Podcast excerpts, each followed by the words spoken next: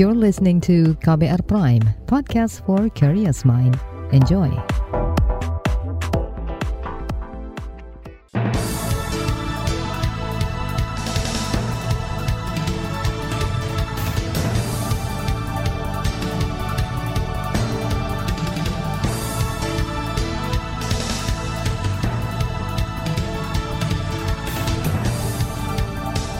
Selamat pagi saudara, senang sekali kami bisa menjumpai Anda melalui program Buletin Pagi edisi Selasa, 6 Desember 2022. Saya Naomi Liandra. Sejumlah informasi pilihan telah kami siapkan, di antaranya rencana pengesahan RKUHP mendapat penolakan. Pemerintah diminta waspada lonjakan inflasi jelang Nataru. Lokasi relokasi korban letusan Semeru aman dari awan panas. Inilah Buletin Pagi selengkapnya terbaru di Buletin Pagi. Saudara, pemerintah dan DPR dikabarkan akan mengesahkan rancangan Kitab Undang-Undang Hukum Pidana RKUHP hari ini. Kemungkinan pengesahan itu disampaikan Wakil Ketua DPR Sufmi Dasko Ahmad kemarin. Apalagi menurutnya saat ini RKUHP tinggal pengambilan keputusan tingkat 2 dan telah melalui rapat pimpinan dan badan musyawarah BAMUS. Iya kalau Rapim dan Wamus sudah selesai, pengesahan itu kan kira-kira nanti jadwal paripurna terdekat yang nanti akan diagendakan. E, bisa ya bisa enggak? Oh, bisa iya, Tergantung bisa. pengagendaan dari kesekjenan. Iya ada kemungkinan, kemungkinan tersebut ada karena e, pengambilan keputusan tingkat satunya kan sudah selesai, demikian. Wakil Ketua DPR Sufmi Dasko juga tidak menampik masih adanya penolakan RKUHP dari masyarakat. Namun kata politisi Partai Gerindra ini, pembahasan RKUHP telah dilakukan dari waktu ke waktu dengan sangat hati-hati. Aksi penolakan terhadap rencana pengesahan RKUHP berlangsung di sejumlah daerah di Indonesia kemarin. Di Jakarta, aksi berlangsung di depan gedung DPR. Masa memasang poster dan melakukan aksi tabur bunga sebagai bentuk protes. Terlihat pula karangan bunga yang ditaruh di depan gedung DPR. Aksi juga digelar di Papua, Papua Barat, dan Bandung. Puluhan jurnalis berunjuk rasa menolak rencana pengesahan RKUHP yang dianggap dapat mengancam kerja-kerja jurnalistik. Koalisi masyarakat sipil mengancam akan menggelar demonstrasi besar-besaran jika pemerintah dan DPR masih bersikuku mengesahkan RKUHP hari ini. Saudara, penolakan pengesahan RKUHP juga datang dari Ormas Muhammadiyah. Menurut Kepala Litigasi LBH Pengurus Pusat Muhammadiyah, Gufroni, niat memperbarui KUHP setelah 30 tahun pembahasan sudah cukup baik.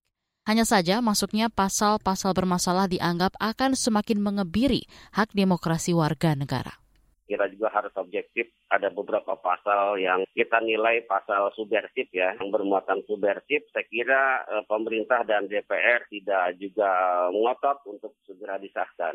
Pasal 188 dan juga pasal-pasal lain yang akan memberangus eh, demokrasi saya, saya kira harus dihapuskan saja. Karena itu juga mencederai eh, demokrasi kita. Jadi uh, tentu kita perlu pemerintah untuk dan DPR untuk menunda sampai uh, pasal ini juga bisa dihilangkan. Kepala Litigasi LBH PP Muhammadiyah Gufroni khawatir jika DPR dan pemerintah bersikeras mengesahkan RKUHP, maka gelombang pembungkaman demokrasi kian masif terjadi.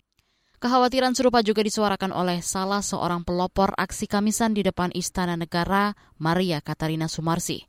Maria menyebut draft RKUHP masih mencantumkan pasal larangan unjuk rasa tanpa pemberitahuan yang dinilai akan membungkam kebebasan berpendapat warga negara.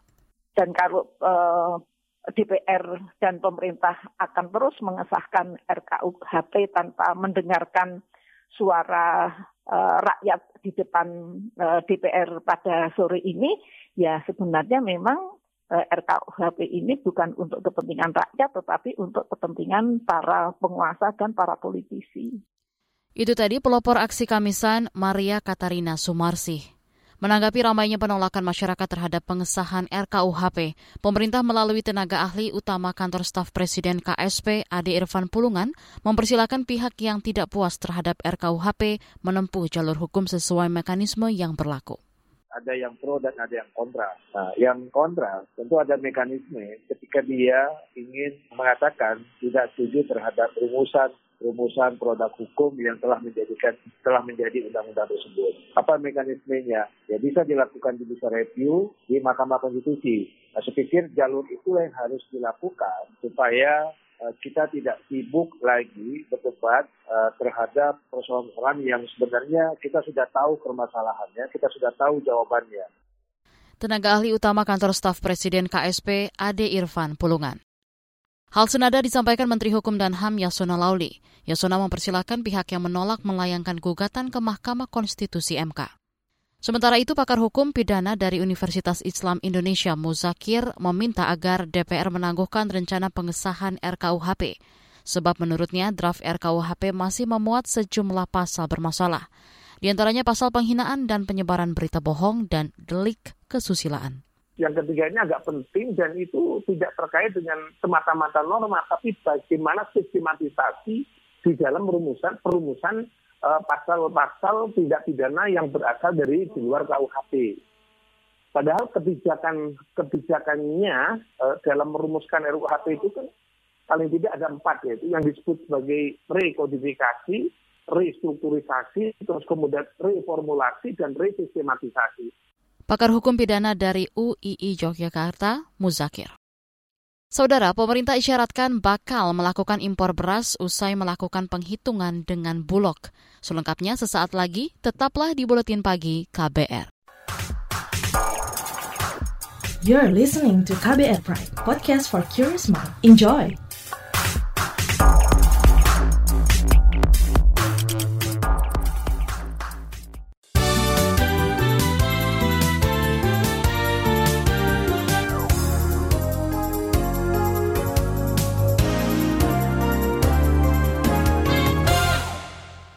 Anda sedang mendengarkan Buletin Pagi KBR. Saudara, Presiden Joko Widodo akan membangun 200 unit rumah tahan gempa bagi korban gempa di Desa Sirnagali, Kecamatan Cilaku, Kabupaten Cianjur, Jawa Barat. Jokowi menyebut Desa Sirnagali menjadi salah satu lokasi relokasi bagi warga terdampak gempa Cianjur.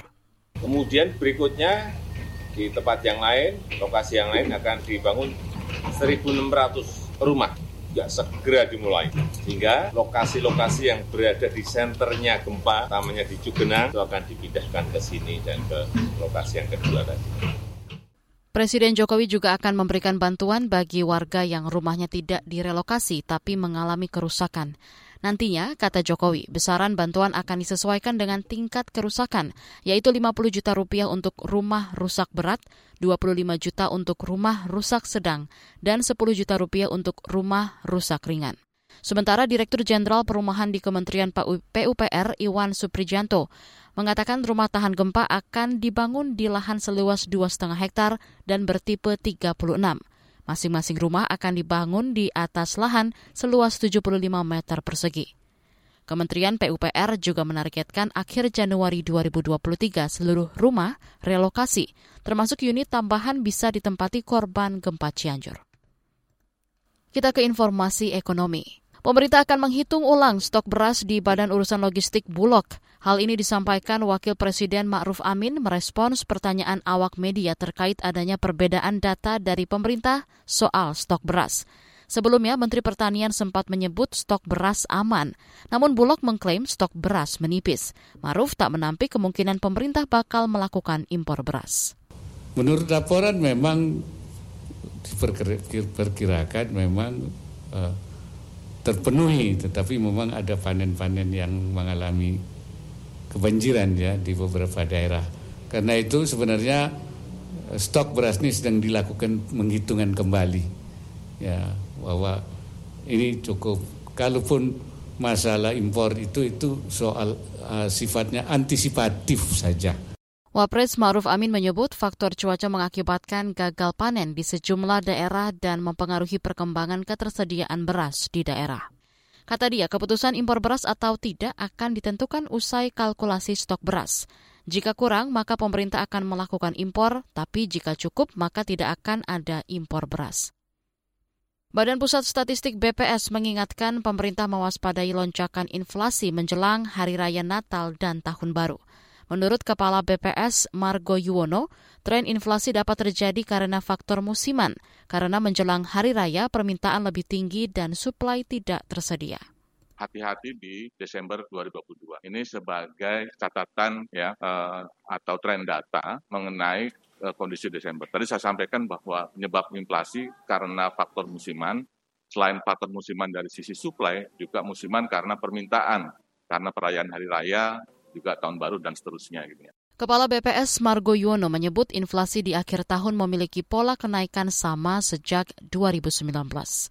Margo memaparkan komoditas penyebab inflasi akhir tahun pun sama, yaitu cabai rawit, tarif angkutan, telur ayam ras, dan daging ayam ras.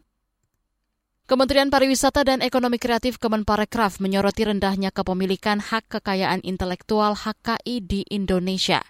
Menurut Direktur Pengembangan Kekayaan Intelektual Industri Kreatif Kemenparekraf, Robinson Sinaga, di 2016 baru 11 persen pelaku ekonomi kreatif yang telah memiliki HKI. Paling tiga ada tiga penyebab rendahnya kepemilikan haki di Indonesia. Yang pertama, ya ini informasi data yang kami peroleh, pemahaman hakinya sangat rendah. Jadi teman khususnya teman-teman di daerah, jangankan di daerah, di Jakarta dua minggu lalu saya bikin kegiatan di sini, mereka tidak paham juga haki. Apalagi teman-teman di daerah, ya pemahamannya sangat rendah haki.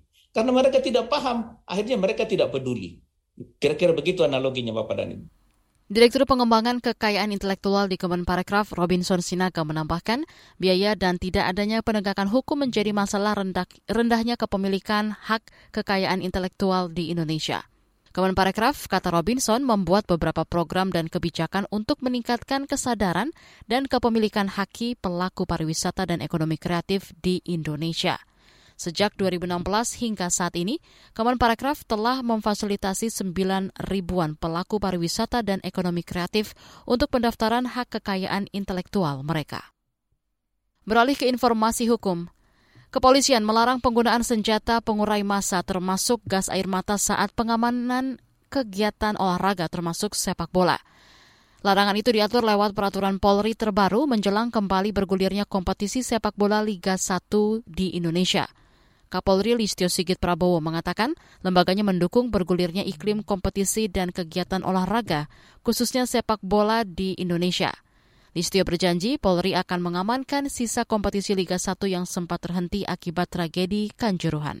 Terhadap uh, sistem evaluasi, sistem perizinannya, kemudian metode dan kesiapan dari rangkaian pengamanan mulai dari sebelum pada saat pelaksanaan kegiatan dan pasca kegiatan. Semuanya tentunya dilakukan evaluasi dan persiapan yang lebih baik, termasuk khususnya terkait dengan aturan-aturan FIFA yang kemudian kita perjelas, termasuk masalah penggunaan gas air mata.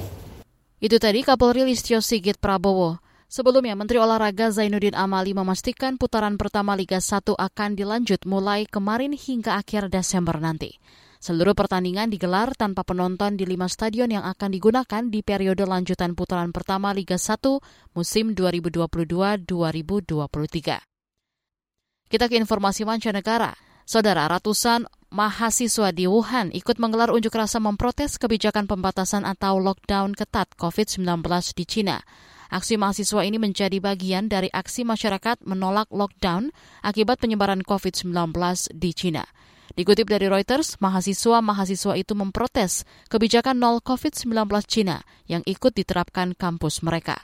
Meski begitu, protes yang dilakukan mahasiswa di Universitas Wuhan berlangsung damai dan tertib. Beralih ke berita olahraga. Presiden Joko Widodo membuka kejuaraan dunia wushu junior ke-8 kemarin malam. Jokowi menyebut kejuaraan berskala internasional ini merupakan jembatan persahabatan mempererat tali persaudaraan antar bangsa – Kepala negara lantas mengajak seluruh atlet berlaga dengan gembira bertanding sportif, menunjukkan kemampuan terbaik untuk meraih kemenangan. Jokowi juga ingin ratusan atlet wushu dari puluhan negara di dunia itu memanfaatkan waktunya mengenal Indonesia lebih dekat. Kejuaraan dunia wushu junior ini menjadi pertandingan pertama pasca pandemi. Diikuti 870-an atlet dan ofisial dari 62 negara di dunia. Kita ke informasi Piala Dunia 2022. Hasil Piala Dunia 2022 tadi malam kurang menyenangkan buat wakil Asia. Jepang tersingkir oleh Kroasia dan Korea Selatan digilas Brazil pada babak 16 besar. Jepang versus Kroasia digelar lebih dulu di Stadion Al Zanoub Al Wakrah, Qatar, Senin 5 Desember 2022. Pada laga itu, Jepang gigit jari usai kalah lewat adu penalti. Berimbang satu sama lewat 120 menit, Samurai Biru kalah 1-3. Selang satu jam kemudian, giliran Korea Selatan mencari peruntungan. Menghadapi Brazil di Stadion 974 Doha, Qatar, Selasa 6 Desember 2022 dini hari waktu Indonesia Barat, nasib Taeguk Warriors setali tiga uang dengan Jepang. Korea bahkan menelan kekalahan telak dari Brazil. Son Heung-min dan kawan-kawan kalah 1-4 dengan empat gol langsung bersarang ke gawang mereka sejak babak pertama. Di bagian berikutnya kami hadirkan laporan khas KBR tentang ekonomi Indonesia di tengah bayang-bayang ketidakpastian global. Tetaplah di Buletin Pagi KBR. You're listening to KBR Pride, podcast for curious mind. Enjoy!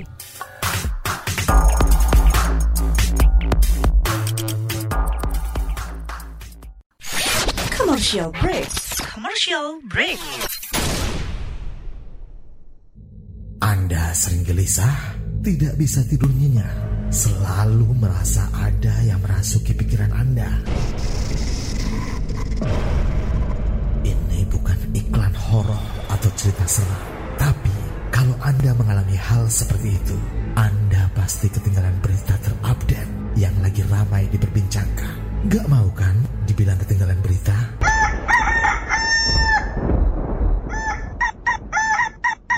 Makanya dengerin KBR Pagi, siaran pagi radio paling update menghadirkan narasumber yang terpercaya dan kredibel. Banyak lagu-lagu dari zaman old sampai zaman now. Setiap hari Senin sampai dengan Jumat mulai pukul 7 sampai 8 waktu Indonesia Barat. Bisa didengerin dari Aceh hingga Papua. Cukup satu jam saja untuk membuat kamu tetap update.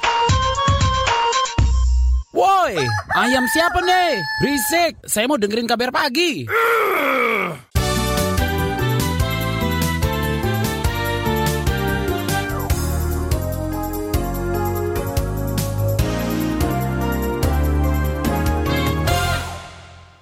Anda masih bersama kami di Buletin Pagi KBR. Tahun depan kondisi ekonomi global diprediksi bakal dihantui ketidakpastian. Pemerintah yang semula sangat optimistis belakangan mulai waspada dan berhati-hati. Apa saja tantangan yang harus diwaspadai? Berikut laporan jurnalis KBR Astri Septiani. Pekan lalu, Presiden Joko Widodo mengeluh soal kondisi ekonomi global. Ia mengatakan seluruh kepala negara yang tergabung dalam kelompok G20 tengah pusing. Ketidakpastian global menyebabkan ekonomi ruwet, rumit, sulit dihitung, dan sulit diprediksi. Jokowi mewanti-wanti agar tahun depan semua tetap waspada. Gak ada yang bisa menghitung, memprediksi akan berada di angka berapa. Nggak jelas, sehingga tadi semuanya pusing. Misalnya satu saja, harga minyak, siapa yang bisa menentukan? Saya tanya produsen produsen minyak yang gede-gede nggak bisa memprediksi dan akan di cap harga minyak lebih menyulitkan lagi ngitungnya nanti seperti apa.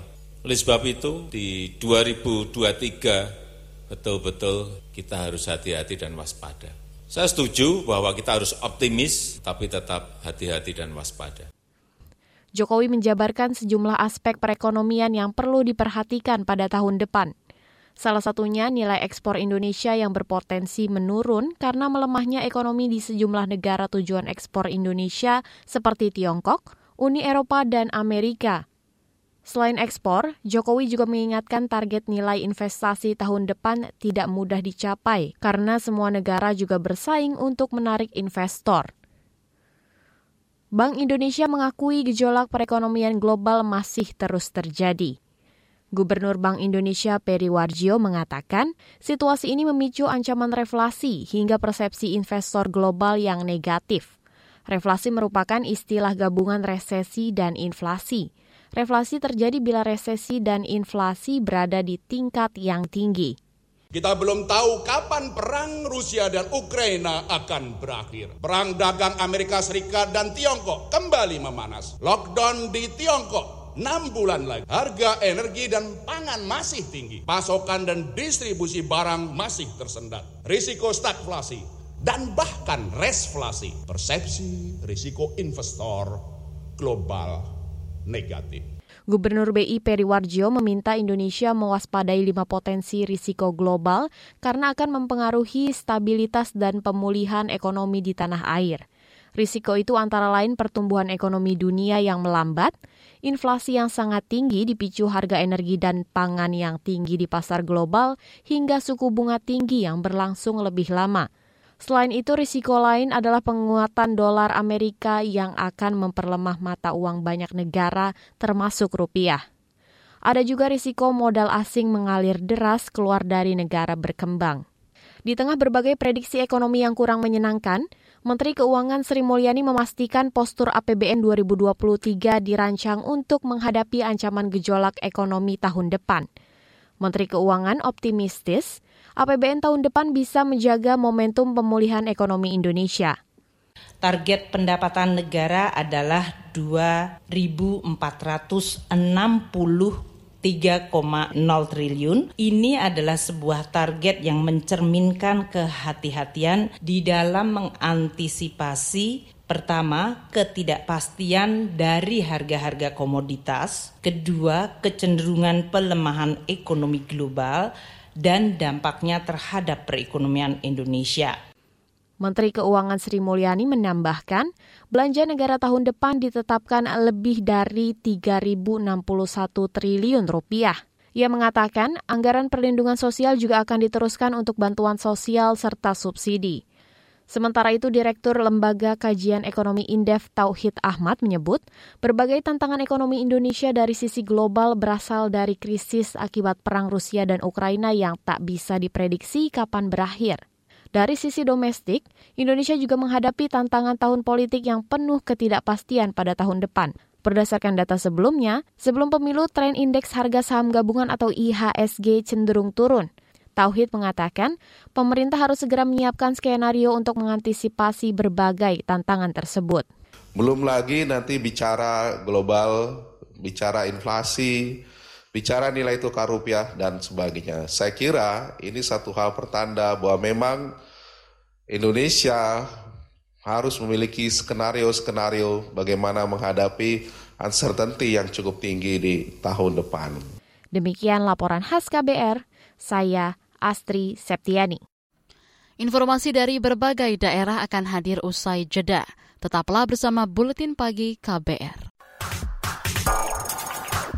You're listening to KBR Pride, podcast for curious mind. Enjoy!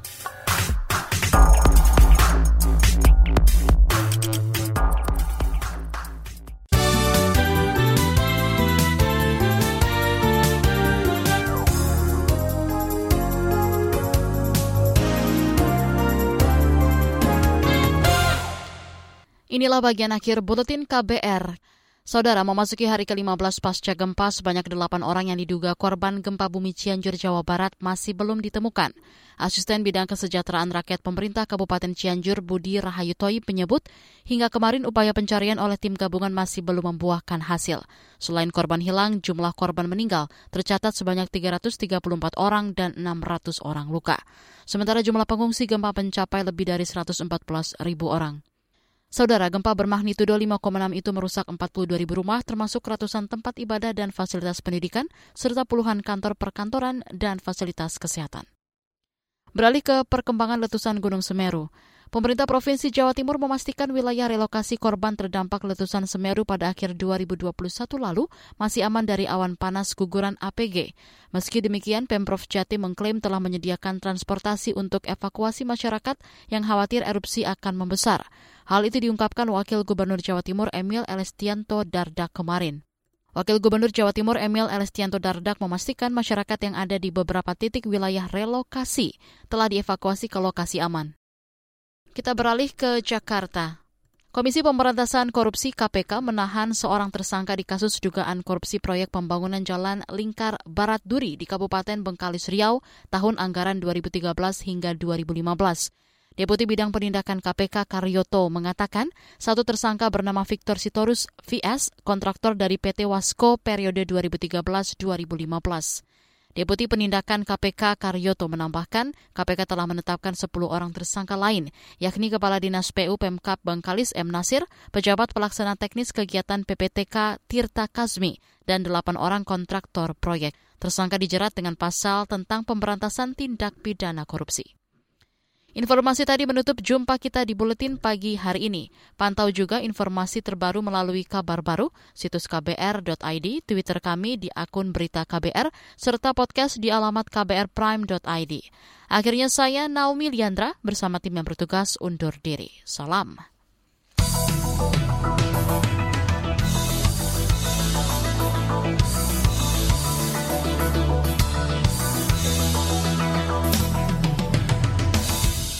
KBR Prime, cara asik mendengar berita. KBR Prime, podcast for curious mind.